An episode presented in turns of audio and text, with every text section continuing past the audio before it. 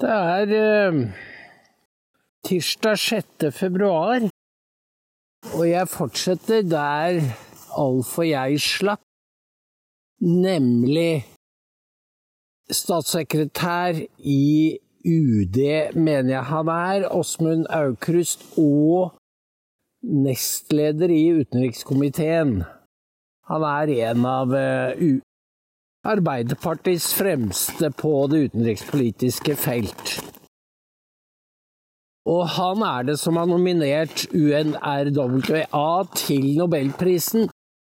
Og det har han selvsagt ikke gjort på eget initiativ. Der står UD og Barth Eide bak. Og det vil si Støre og regjeringen. Og det sier veldig mye om hvor islamisert Arbeiderpartiet har blitt. For i intervjuet med Dagbladet så sier jo Aukrust eh, Selvfølgelig, de spiller opp det humanitære kortet og gjør Gaza til det, den verste humanitære katastrofen i nyere tid. Det er jo det er en så drøy påstand at den må belegges. Det tror jeg ikke de klarer. Halvparten av de drepte kan jo være Hamas-folk, men de stiller ikke spørsmål i det hele tatt ved opplysningene. La nå det være. Men det er andre selvfølgelig som kommer til å se på både norske medier og myndigheters håndtering. Men Aukrust sier vi må være på Gaza for at UNRWA kan være vitner i en rettssak. Og det er ikke mot Hamas. Det er selvfølgelig mot Israel. Dagbladet fulgte ikke, jeg tror ikke de forsto rekkevidden og dybden i det svaret. For den norske regjering planlegger altså for å være backere for at UNRWA skal vitne, samler bevis. Det hadde jo vært interessant å vite. Jeg vil tro de samler bevis mot Israel. Fordi jeg tror ikke Aukrust tar dette får et innfall når han sier det med vitnemål mot Israel. Dette er nok et arbeid som pågår og er planlagt. For det er klart at i en eventuell rettssak så må man kunne dokumentere hva som skjedde. Og det kan jo UNRWA ved koordinater og hendelser, dokumentasjon ved film, ved leger. Det kan hende norske legeteam er involvert. Alt dette for å samle bevis mot Israel. Og det kan bli vanskelig å motbevise for israelerne. Så her ønsker Norge å innkassere en eh, stor prestisjeseier ved å være eh, instrumentell, ved å bruke sin kunnskap og innflytelse til å ramme Israel. For det har jo vært refrenget nå i nokså lang tid. At de hører ikke Israel hører ikke på selv USA, og da er det noe som sies mellom linjene, f.eks. hvis du hører på Hilde Henriksen Våge. Selv ikke USA får vikt Bibi. Og det er at Israel må lære en lekse the hard way. Og hun sa det, Våge sa det rett ut. De må fratas penger og våpen. Altså, i en eksistenskamp så skal USA nekte Israel penger og våpen. Det er det norske forskere går inn for. Og jeg ser for meg at Barth Eide smiler, smiler lurt. For selv så vet han hva som kommer, og hva de legger opp til. Men så er det det med internasjonal opinion. Fordi det er altså en kvalitetsforskjell på de som backer Hamas, og de som backer Israel. Og da tror jeg at det skal gå opp for Arbeiderpartiet og regjeringen at de er i et selskap som de normalt betakker seg for. Men her fanger bordet. For hvis du først har gått til sengs med islamister, så er det for sent å trekke seg. Da tar de hele hånda. Og da vil Norge bli tvunget til å fortsette langs den banen de har slått inn på. Da vil Norge bli kjent som et antisemittisk land, og da taler ikke pengene vi har på bok for oss, de taler mot oss fordi vi er blitt rike, vi blir rike på krig. Det er vår ære og vår makt om igjen. Vi ble rike på Ukraina-krigen, og vi blir rike på stengningen av Suezkanalen, eller omkjøringen. Men det er vår måte å betale tilbake på, er da å angripe Midtøstens eneste demokrati. Jeg tror ikke, fordi jeg snakket jo med Alf om det store kognitive spranget at norsk presse har vært så ensporede i så mange år at de ikke lenger forstår hva som skjer i USA. Og det tror jeg Da tror jeg de heller ikke er klar over at de dyktige folkene de befinner seg jo på høyresiden. Folk som Matt Taibi, Schellen, Michael Schellenberger, som har rulla opp Twitter-files.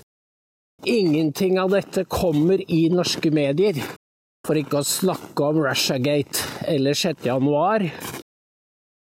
De ville ikke vite av det. Altså, det er ingen passiv, det er en aktiv tilbakevisning av det som eh, over 60% av amerikanske velgere nå er klar over. Jeg så en måling på tillit til mediene, og den har, den har gått den veien høna sparker. Og det har å gjøre med at du kan ikke lyve for folk hele tiden og samtidig ødelegge deres levestandard. Selv ikke Taylor Swift kan endre på virkeligheten i USA og Bidens ødeleggende politikk. Så det er jo et fenomen vi kjenner fra totalitære stater at talerørene etter hvert opplever at grunnlaget, tilliten, forsvinner, og at de svever i løse lufta. Og det skjer med hovedstrømsmediene i USA. CNN måtte nydelig nå kansellere morgenshowet sitt fordi det hadde ikke seere. Og det har vært standard referansekilden til norsk presse i årevis sammen med New York Times og Washington Post. Men legg merke til, NTB skriver ikke engang at disse mediene går, går tilbake. For det Når det samme skjer med norske medier, så vil det jo bli litt for påfallende at hvorfor går de tilbake? Hvorfor går NRK P1 tilbake? Og det er jo samme historie. Og det er ikke fordi folk søker adspredelse på mange andre plattformer. Det er fordi disse mediene ikke har noe å tilby som gir folk, som gir mening. Men det er jo så Det er en prosess. Først blir folk Virker eh, hovedstrømsmediene som turnoff. Sånn som Aftenposten i dag, som da prøver å massere oss sivile til å godta en krig med Russland om tre-fire år. Da skal vi være på slagfeltet sammen, skulder ved skulder ved Ukraina. Det var det, det var budskapet i den reportasjen. Og det er klart at folk lurer jo på hva som foregår. Og de er blir bekymra. Og så forsvinner de journalister ut. De dyktigste forsvinner faktisk ut. Og eh, sammen med publikum så er de jo da i et slags interregnum, vil jeg kalle det. Altså, for det er ikke sånn at folk går direkte fra Aftenposten og NRK over til oss.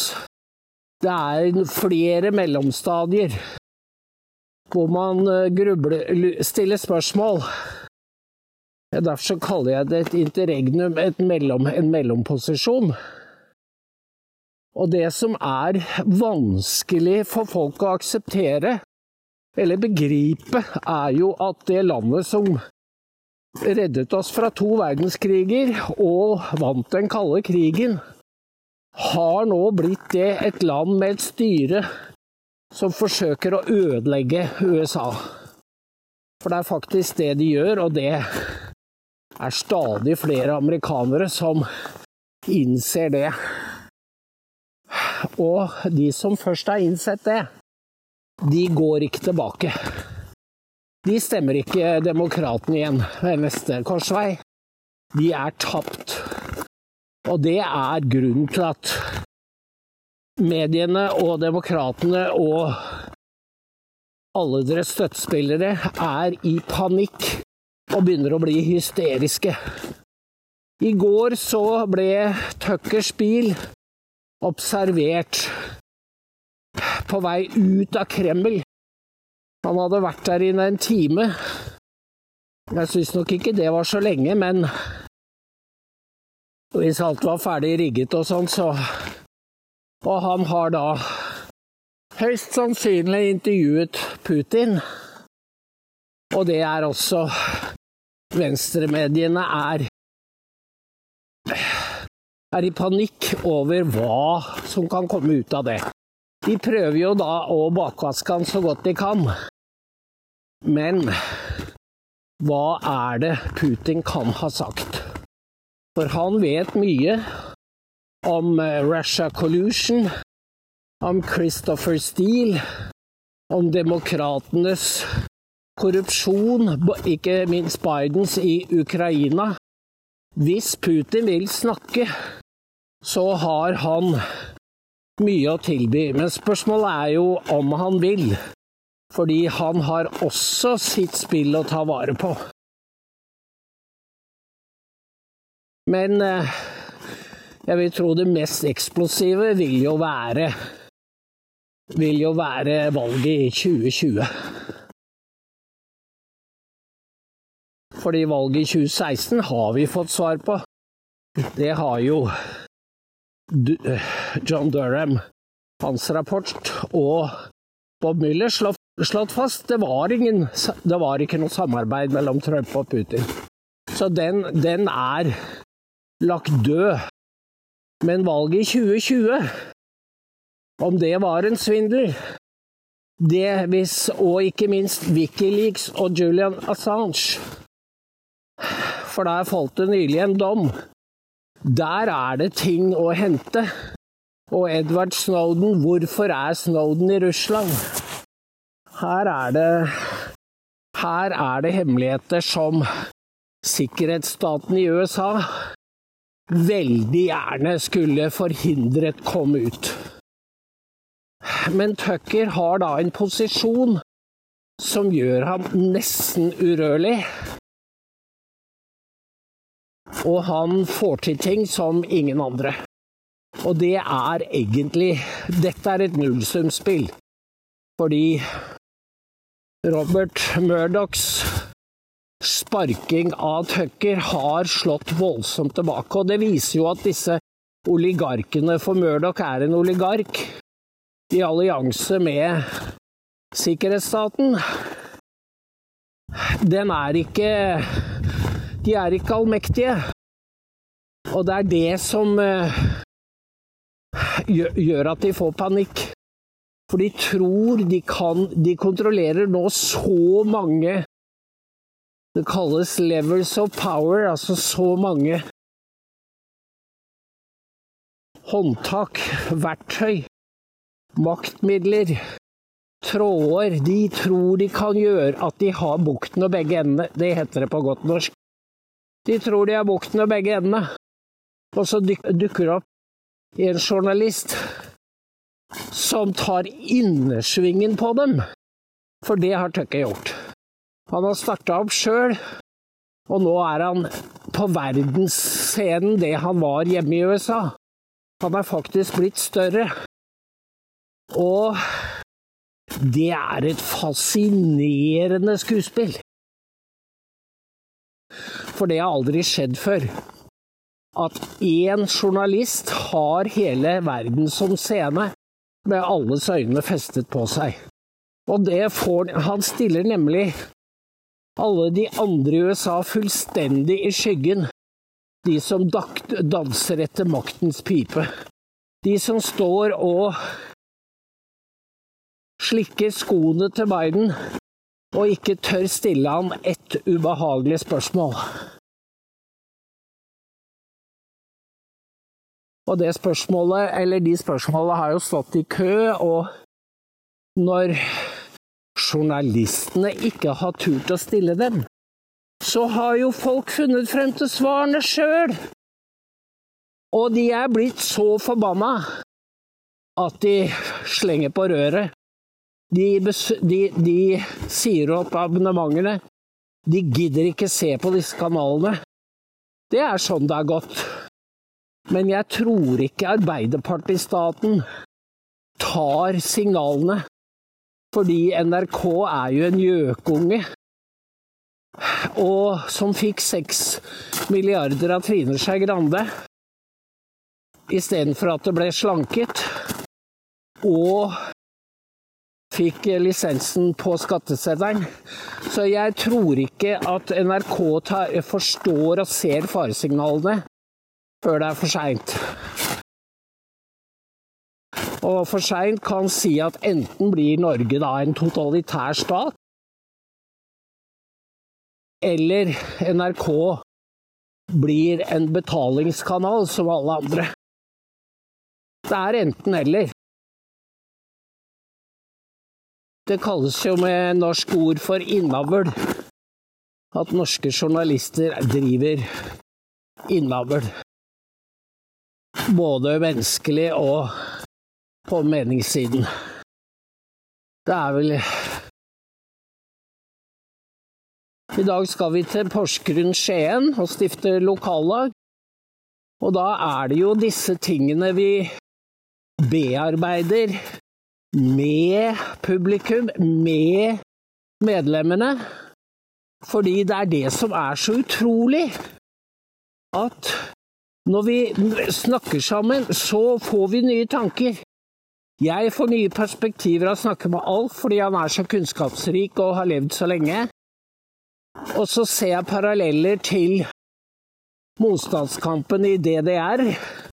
For det, det er faktisk nå en parallell. Nå på fredag så Det er en gruppe som kaller seg Binders, som er opptatt av at det skal være valgfrihet med vaksiner, og de har fått hit et helt knippe folk, bl.a. han Andrew Bridgen fra England, som sitter i parlamentet og er nå blitt frittstående, og to andre folk. De holder møte på Grang fra fem til åtte fredag kveld. Rebekka skal intervjue dem mellom ti og tolv. Sammen med andre, andre pressefolk. Jeg veit ikke om det kommer noen andre pressefolk, og derfor er det jo veldig viktig at vi kommer og er der. Og bringer budskapet ut. For det er noe eget når de kommer til Norge. Så jeg vil gjerne hilse på han Bridgen, for han, han er modig. Han er på parti med Robert Malone. Dette er sånn som systemet undergraves i praksis og over tid. Er, vi er små mot sammenlignet med dem, de andre i ressurser. Men altså, vi har noen våpen som de ikke har, og det kalles sannhet. Og menneskets indre er sånn konstruert at det oppfatter svingningene i lufta når noe blir sagt som er sant. Og de oppfatter da Når noen snakker sant, så hører de hva som er løgn. Det er greia. Og hvis alt er løgn, så tar det litt tid før sannheten dukker opp eller slår igjennom. Så det er jo vårt arbeid. Og når jeg sier dette, sier dette skal jeg jo snakke om på i Skien Porsgrunn i kveld,